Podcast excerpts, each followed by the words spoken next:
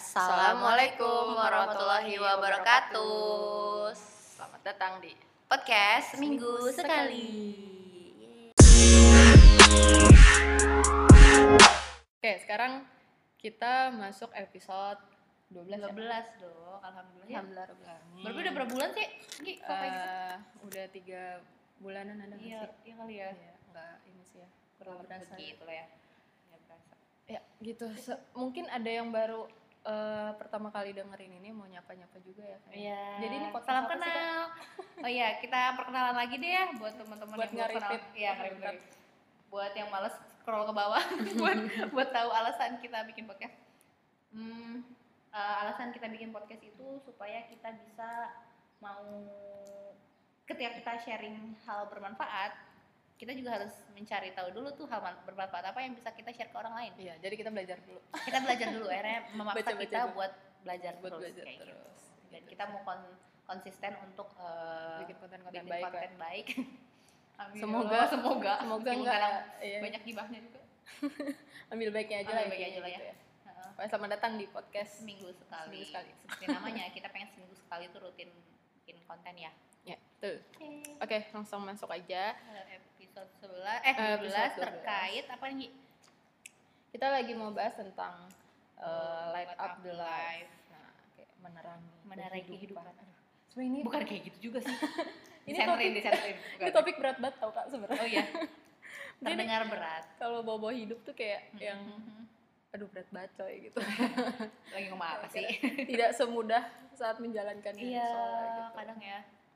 Kayak itu sih kayak yang kemarin ngomongin soal self love itu. Hmm? Nah, itu kan sebenarnya kita ngomong gampang ya, ngomong cintai Ya, dirimu, cintai cintai dirimu. Dalam Pada prakteknya iya, pada prakteknya gitu tuh kadang Susah, suka susah, susah, untuk susah, untuk menerima diri apa adanya gitu. Iya benar-benar. Kayak masih ngeluh, masih Iya. suka Iya, masih suka nyalahin diri sendiri Nyalahin diri gitu sendiri. kan. Nggak puas dengan apa yang dimiliki kayak gitu. Iya, begitu. Nah, di tema kali ini eh, itu kita lebih pengen ngebahas tentang bagaimana sih biar hidup itu lebih berarti. Iya. biar terang benderang gitu. Oke guys, sebelum kita mulai eh, ngobrol-ngobrol berdua, sekarang kita tanya-tanya yuk ke teman-teman kita soal eh, Bagaimana? bagaimana hidup yang berarti bagi mereka sih? Hidup Iya. berarti bagi mereka apa? Ya, kita mulai ya. Menurut gua hidup yang berarti itu hmm, bisa bikin orang bahagia. Maksudnya bahagia itu eh, tersenyum, tertawa, semua orang ya, termasuk orang tua, teman atau eh, orang yang belum kita kenal. Arti adalah ketika lo menjalani hidup itu apa yang lakukan setiap proses kehidupan itu bermanfaat ataupun ada efeknya untuk kehidupan akhirat lo. Eh, hidup yang di mana lu eh, dari hobi lu itu bisa menghasilkan uang dan orang tua lu mensupport hobi lu itu. Menurut gue, hidup yang berarti itu saat lo berjuang jadi versi terbaik untuk diri lo sendiri. Hidup itu buat gua gak cuman jadi yang terbaik untuk orang lain, tapi juga jadi yang terbaik untuk diri kita sendiri. Jangan sampai lu ngelakuin hal yang lu benci hanya untuk terlihat baik di depan orang lain. Tetap jatuh cinta dengan diri sendiri itu juga perlu. Hid- hidup yang mengabdikan diri buat penciptanya sih kayaknya. Iya. Oke, aduh, Akhirat semua. masya Allah ya. Iya, gue jadi bahagia punya teman-teman kayak gini. Iya, kita harus kadang bersyukur ya gue bersyukuri akhirnya sih gue ngerasa setiap orang emang membutuhkan itu gitu membutuhkan kebahagiaan yang hakiki yaitu Iya. untuk bisa berjumpa dengan Allah Iya, dan bermanfaat buat orang lain. Tadi Karena- banyak poinnya ke situ sih ya. Hmm, sih ya. jadi kayak ya manusia memang diciptakan diciptakan merasa membutuhkan rohnya gitu Nah mungkin kalau di episode yang sebelumnya tuh kak, kan gue sempet ngulang lagi tuh eh yang episode sama Bang Wahyu. Itu kan Ah. emang ngeri-ngeri gimana Sedap gitu ya. kan ya. Nah sampai gue sebenarnya oh ya ini sedikit ngulas yang kemarin ya. Itu sempet terngiang-ngiang di akhir-akhir ini gitu buat di gue. Nah, Kalau kayak tentang surga sih kayak tuh eh, menurut gue ini relate sama episode yang sebelumnya jadinya gimana setelah kita tahu nih bahwa Allah akan memberikan kita surga ketika ah, kita bisa eh, menjadi hambanya yang beriman, hambanya yang eh, bertakwa gitu atau mencoba menjadi hambanya yang, lebih baik lebih baik, setiap ya. harinya gitu ya. Nah, itu pun eh, kita harus tahu cara-caranya gitu kan, Kak. Nah, Mm-mm. di episode kali ini insya Allah kita akan bahas gimana kita eh, apa namanya gimana seharusnya kita sebagai manusia menjalani kehi- kehidupan Mm-mm. gitu sih nah eh, kalau dari sebuah sumber dari al qadiri eh, yang judulnya seimbanglah dalam beragama eh, ini buku Buku ya. eh, penerbitnya GIP ya. Heeh. Nah ini di sini ngebahasnya lebih ke tawazunnya gitu. Jadi Oh. eh, sebenarnya ini gue nggak nyangka sih bahasannya akan ke sini gitu. Ya. Heeh. Terus kenapa gitu kan?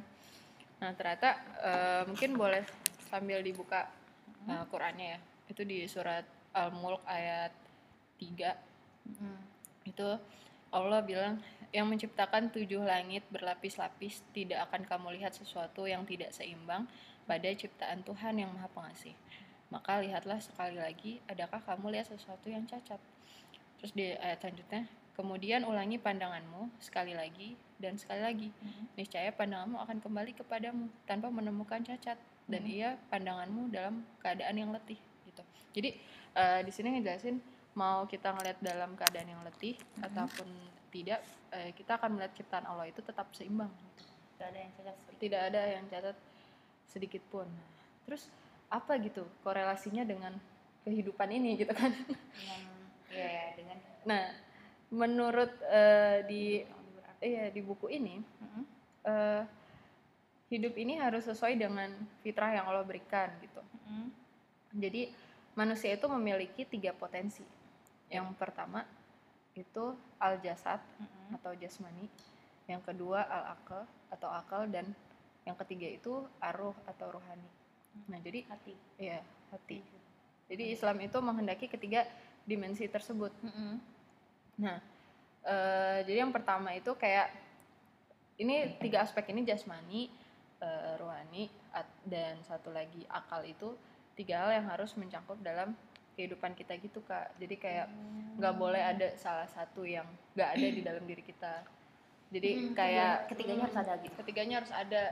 Jadi mungkin eh, kita pernah sebelum kita bahas satu-satu ke situ, mungkin kita kayak pernah denger ini nggak sih kayak berita artis atau artis luar negeri misalnya gitu ya Hmm. eh, meninggal dalam keadaan kurang baik lah misalnya eh, overdosis dan lain sebagainya gitu kan. Padahal mungkin kalau kita lihat backgroundnya eh, dia memiliki harta yang banyak, dia materinya tercukupi lah semuanya Iya. kayak Mm-mm, terus uh, semua orang kenal sama dia gitu. Terus lantas kenapa di akhir hidupnya gitu ya? Ya, Kita emang itu sih ya. Kita nggak nggak ada yang bisa menjamin akhir kehidupan kita tuh seperti apa gitu ya. Cuman dalam eh, apa kacamata kita itu kayak ya udah gitu. Eh, berarti yang dia milikin itu eh, belum mencangkup tiga aspek tadi gitu. Jasmani, eh, ruhiyah sama akalnya gitu bisa jadi eh, dia eh, sehat secara jasmani dia ada secara material tapi secara ruhiyah dia tidak tercukupi Kosong, gitu kan nah untuk itu makanya tiga aspek tadi harus ada, ada. harus ada gitu sih kalau kalau karena itu jadi kayak kebutuhan pokok gitu ya buat kita Iya, Kebutuhan yang gitu, penting benar, banget buat dalam hidup kita.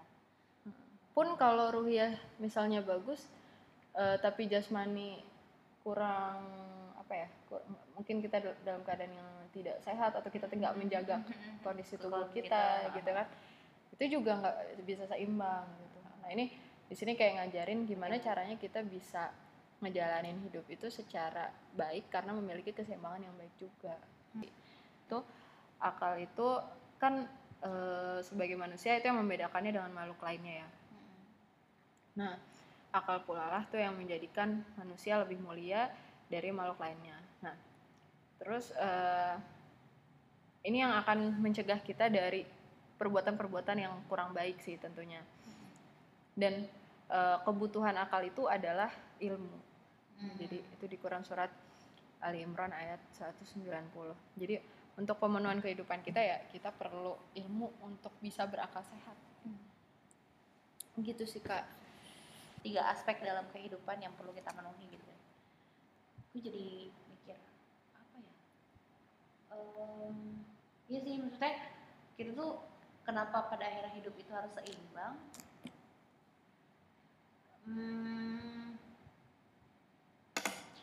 eh, ini soal soal ini sih balik, balik lagi ke soal ke pada akhirnya dengan ke- oh ya pada akhirnya dengan keseimbangan itu kita juga jadi tahu tujuan kita tuh apa sih Mm-mm. kayak gitu tujuan tujuan kita hidup di, di dunia ini apa gitu Hmm. kita cuma kayak nggak sekedar jalan-jalan doang kita kita nggak cuma nggak cuma sekedar hidup tuh nggak cuma sekedar mengalir aja gitu tapi kita tahu kita kita berlelah-lelah saat ini di dunia tuh untuk apa kayak gitu loh kayak misalnya gue kepikiran soal ini sih. Maksudnya ini kayak relate banget sih relate sama sama apa yang gue alamin beberapa minggu lalu gitu. Kita kayak gue eh oh sebel. Nah jadi gini? Gue jadi pengen nangis. Aduh. Jadi eh, apa ya? Ya do gua nggak buat tisu lagi. Nggak usah pakai tisu pakai kerudung aja. Apa jadi em, ini relate dengan apa yang sedang beberapa hari ini gue alamin gitu sama sama teman-teman gue gitu. Jadi gue gue punya eh, satu sahabat sahabat lah ya sahabat yang udah eh, lama banget gak ketemu terus saya gue ketemu lagi gitu. Nah eh, dia itu dulunya dia dulu berjuang eh, sama apa namanya penyakitnya dia gitu. Terus akhirnya dia sembuh lagi Eh, dulu dulu dia pernah kan hmm, apa leukemia terus eh, dia survivor cancer gitu kan. Nah gue ketemu di eh, di yayasan di yayasan kanker yayasan kanker anak gitu. Nah sekarang dia jadi jadi jadi volunteer gitu akhirnya gitu. Setelah dia sehat lagi akhirnya dia jadi jadi apa namanya kayak kakak asuh buat teman-teman teman-temannya dia di yayasan kanker itu. Nah di situ dia cerita gitu kalau eh, apa namanya dia cerita soal soal aktivitas dia kuliah saat ini soal kehidupan sosial dia gitu kan di apa namanya dia jadi eh, apa dia jadi coach kayak gitu gitu segala macam terus eh, dia juga jadi volunteer di namanya kantong Doraemon kalau nggak salah. Nah di situ tuh dia eh, kayak ngebantuin anak-anak yang lagi pengobatan di rumah sakit di SCM untuk ngurusin berkas-berkas. Terus kayak ada anak yang baru masuk rumah sakit dan dia bingung mau tinggal di mana gitu Eh, anak yang kanker kan biasanya emang pengobatannya panjang kan ya. Terus kalau misalnya rumahnya di daerah kan jauh bolak balik kayak gitu. Nah dia dia nolongin anak anak anak itu gitu untuk akhirnya dikasih eh, rekomendasi tempat dulunya tempat dulu dia eh, nginep gitu pas pas pengobatan. Itu ya di yayasan kanker yayasan kasih anak kanker Indonesia. Nah itu di situ.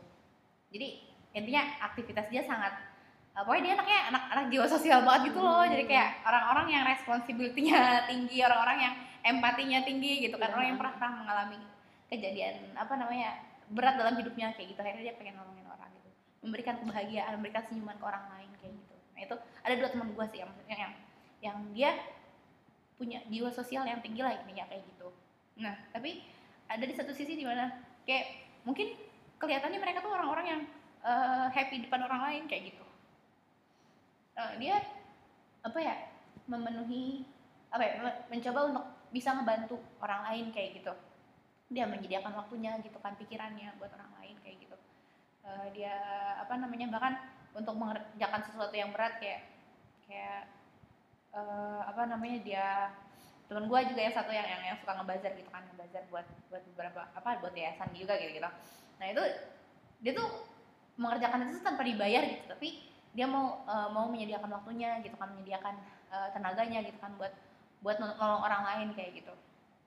Nah tapi ada satu cerita di mana dia ke apa ya dia merasa kok dia menyalahkan diri sering sering kali menyalahkan dirinya sendiri gitu. Dia menyalahkan dirinya sendiri ketika apa yang dia lakukan itu tidak memuaskan orang lain apa yang dia lakukan itu bikin orang lain eh, apa namanya kayak misal karena dia menerima banyak amanah gitu karena dia menerima banyak tawaran-tawaran untuk jadi volunteer untuk ngerjain hal-hal seperti itu akhirnya kan dia punya ya orang-orang yang responsibility tinggi empatinya di atas gitu yang su- susah nolak gitu kalau di- dikasih amanah sama orang lain. Tapi kenyataannya tangan dia tuh cuma dua waktu dia cuma 24 jam gitu kan. Terus badan dia tuh kayak mulai em, menunjukkan tanda-tanda kelelahan gitu kan Kep- kepala mulai pusing kayak gitu-gitu.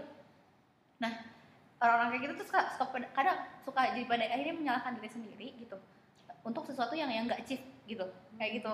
Dia, Dia- ngerasa nggak achieve dia gitu. nggak ngerasa nggak achieve gitu nggak ngerasa nggak achieve terus kayak aku nggak bisa kayak masalah di aku tuh nggak bisa ini waktu deh gitu kan. Nggak bisa nggak bisa ngatur waktu segala macam kayak gitu gitu jadi benar sedihnya di situ ketika ketika, ketika mereka menyalahkan dirinya sendiri gitu kan.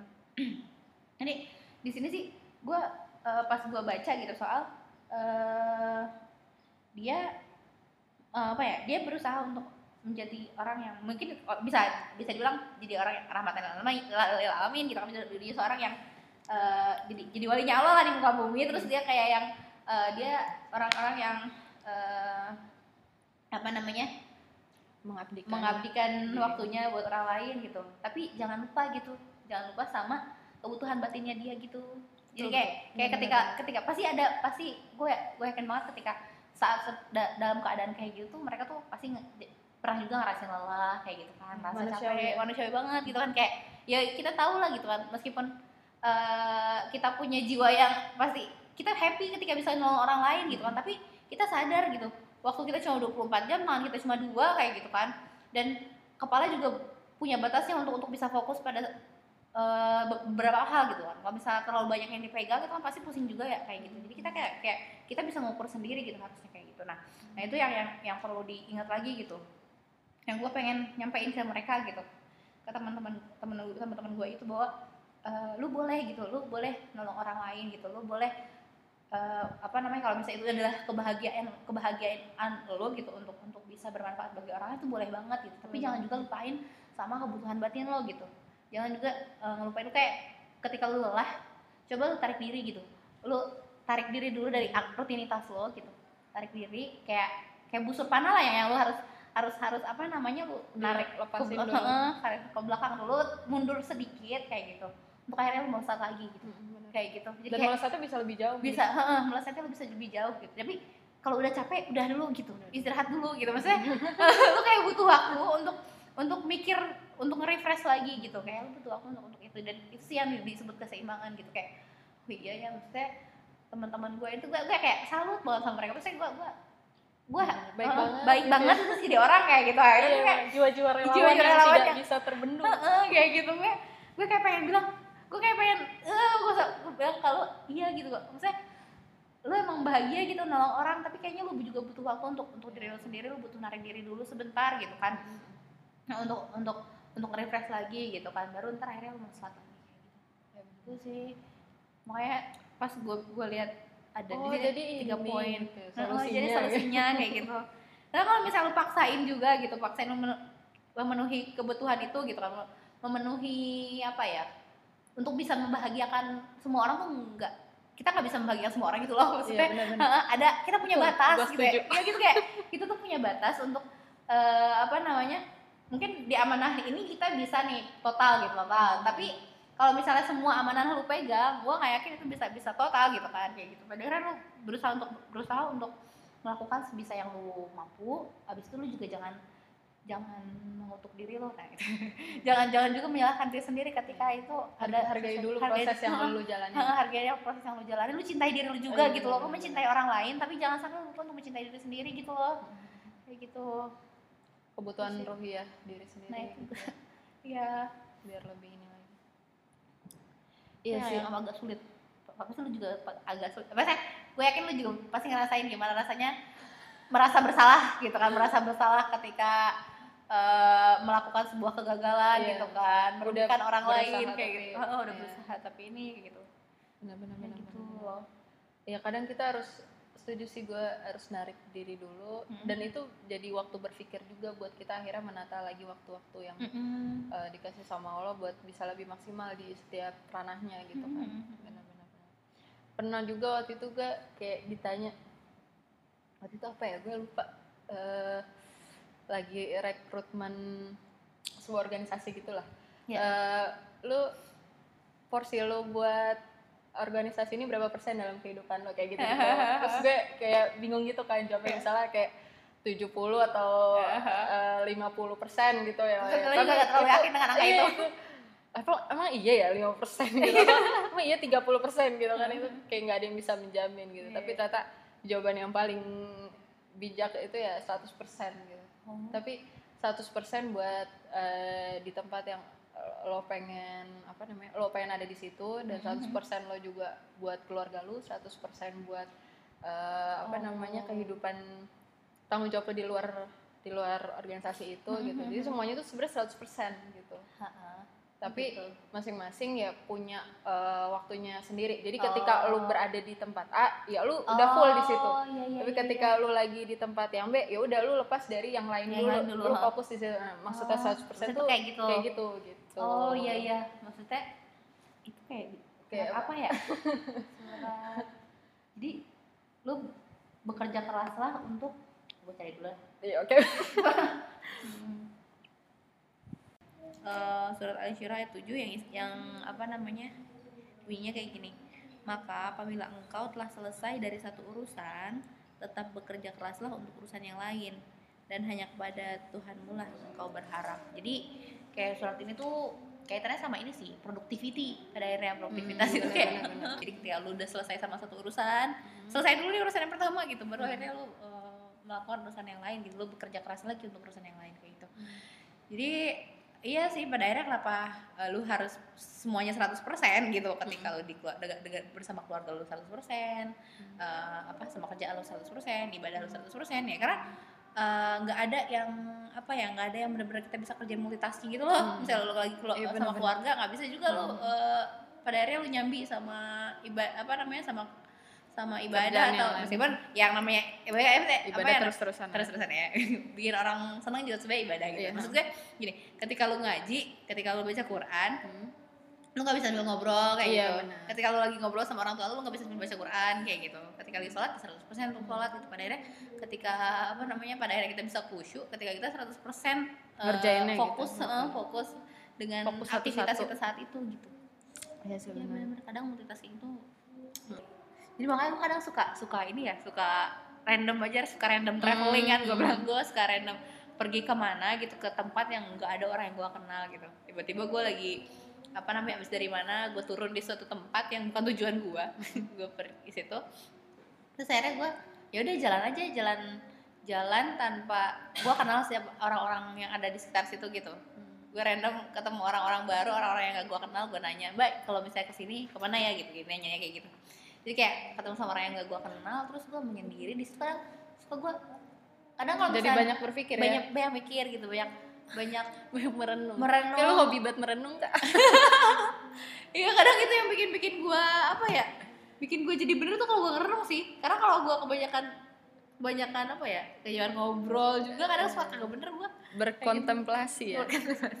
Iya kayak gitu. Kayak emang, emang butuh butuh. Sih manusia itu butuh waktu untuk merenung untuk berkhulwat itu sama Allah gitu berdoa doa. Pada akhirnya gue bisa berdoa sama Allah ketika gue nggak nggak lagi sama siapa-siapa gitu. lagi sendiri. Lagi sendiri kayak gitu.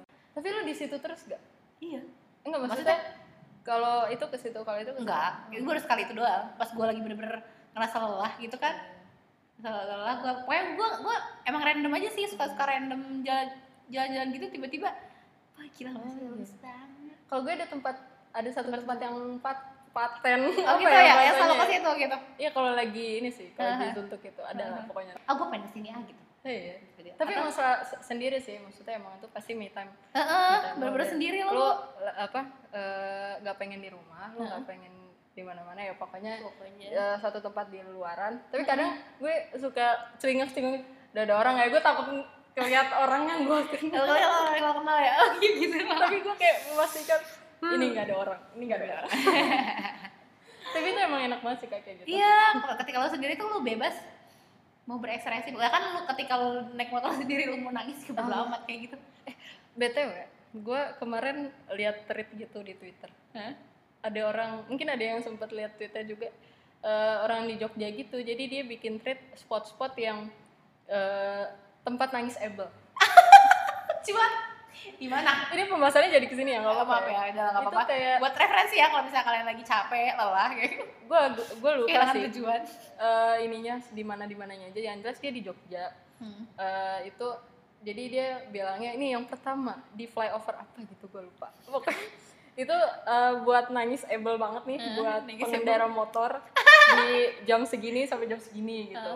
Soalnya kenapa soalnya eh, sepi jalurnya segala macem gitu kan. Lo di situ mau teriak-teriak gak bakalan kedengeran sama orang kayak gitu gitu. ya. tadi ada di flyover ada yang nyaranin di pantai apa gitu terus ada yang nyaranin di eh, jalan mana jalan mana gitu. Terus gue jadi mikir iya sih emang di motor sendiri itu bikin lu merenung gak sih kalau di Iya. motor sendiri pokoknya ketika lo sendiri. Ya lo pengen kalau misalnya pengen pengen bener-bener berduaan sama Allah tuh emang harus sendiri sih. Lo menarik diri dari orang-orang yang lo kenal. Di situ lo bisa bener-bener ngerasain. Dan berpikir gitu. berpikir ha. Berpikir. Ya ternyata banyak orang kayak gitu. Kan gue langsung kepikiran ternyata banyak gitu. Iya cuy. Lo harus naik diri dari dan itu yang lo kenal. viral yang nge-retweet juga banyak. Oh gitu? ya, berarti banyak yang merasakan hal yang sama gitu kan. sama. Kekosongan merasakan kekosongan kekosongan dalam keramaian Iya benar. Gitu, makanya itu tadi balik lagi ke keseimbangan itu tadi ya. Eh, jasmani lo, lo harus lo harus peduli sama tubuh lo, sama kesehatan lo itu yang pertama. Biar kalau ngapa-ngapain lu sehat gitu kan enak ya. Karena sakit itu eh sakit. Sehat itu mahal. sehat gitu. itu mahal Dan kalau udah sakit bayarnya mahal gitu. iya Terus yang kedua kayak dari ruhiah lu gitu. Eh, Eh, gimana? akal lu akal lu dulu oh ya, akal. Akal akal dulu. Gimana caranya lu bisa memenuhi akal lu itu dengan ilmu-ilmu Ilmu. yang bermanfaat? Supaya lu bisa tahu nih ini mana yang bisa yang baik buat gua mana yang gak baik. buat gua dan mana yang lu- apa ya yang pada akhirnya lu bermanfaat bagi orang lain juga gitu. Iya, saya di situ di mana di gua bisa bermanfaat buat orang lain. mm, kayak gitu. Bisa berpikir secara baik lah gitu maksimal gitu. Terus yang ketiga yaitu rohiah lu itu tadi ya emang harus diisi terus lah ya. Mhm. meskipun emang mager suka melanda futur suka menghinggap gitu ya. Mhm, menghinggapi nah kayak gitu sih. Pada akhirnya ujungnya ya ujungnya ketenangan itu lu dapetin ketika lu deket sama Tuhan. Ya betul. Iya kadang apa ya kita sebahagia bahagianya kita bersama teman bersama orang tua bersama Iya. pada akhirnya kayak orang-orang yang bahagia ketika bisa membahagiakan orang lain kayak gitu. Itu tuh at the end itu bisa bisa lu bisa jadi bahagia ketika kita tahu tujuan kita untuk untuk, untuk mengejar mengejar apa gitu apa ya? tujuan tujuan paling tinggi. Dan waktu itu start moment kalau saya pernah bilang kalau kita mau ngejar bahagia itu ya kita akan kecewa gitu. Karena kita cuma kita eh, takutnya itu ya berharapnya bukan sama Allah gitu kan. Jadi ya kebahagiaan itu kalau gue pernah baca di novelnya Terry Lee kalau nggak salah. Hmm. jadi ayahnya tuh bilang gini ke anaknya nah sebenarnya kebahagiaan itu ada di ada di mata air eh, hatimu sendiri.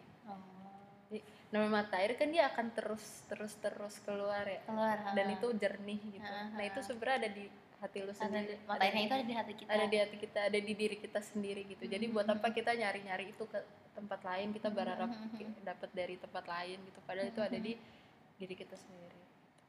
Dan ketenangan kelapangan itu suatu hal yang mahal sekali. Iya bener banget. Jangan sampai kita tuh berkorban cuma buat cuma buat nyari yang menolong orang itu karena pengen dilihat makhluk gitu manusia yang eh, yang, Yang pada akhirnya juga, Allah. yang juga ciptaan Allah gitu yang juga nggak nggak bisa selalu membahagiakan kita juga pada akhirnya gitu loh. Heeh, kayak gitu. Karena yang pada akhirnya yang bisa bisa bisa bikin kita yang yang akan pasti memberikan ketenangan tuh ya Allah sih. Jadi kalau kita kecewa itu salah siapa kak? Kita. Salah diri kita sendiri. Karena kita berharap sama orang don't expect from other don't expect from Allah jadi ya gitu deh. Iya Semoga semoga bermanfaat. bermanfaat. Jangan Ambil- lupa apa? bisa dengerin episode-episode yang sebelumnya. Itu ada kemarin Oh, ya. rekomen ya kayak yang bahas jin iblis. Emang sih judulnya itu agak serem. Iya sih. Emang itu eh, judulnya agak serem tapi isinya insya Allah lucu. Lu kok lucu? Kok lucu? Berfaedah, bisa Berfaedah. diambil tapi itu ngena sih. Ngena ngena banget sih kalau buat gue. gitu OTW tobat ya OTW tobat, OTW sholat kalau kata temen lu. Oke. Eh, Oke, pokoknya di podcast Stay kita tune terus. stay tune terus. Ambil hikmahnya aja, ambil Ambil yang baiknya hikmahnya aja. Kalau misalnya ada yang buruknya tolong diju dijual lagi, dibuang. dibuang mohon maaf lahir batin ya batin kalau ada ada salah, salah-salah kata, ada yang kurang setuju. Um, Yaudah ini cuma apa ini ya. kurang lebih mohon maaf Mohon maaf. sampai Sampai jumpa jumpa. di podcast minggu depan. Iya. Assalamualaikum warahmatullahi, warahmatullahi wabarakatuh. wabarakatuh.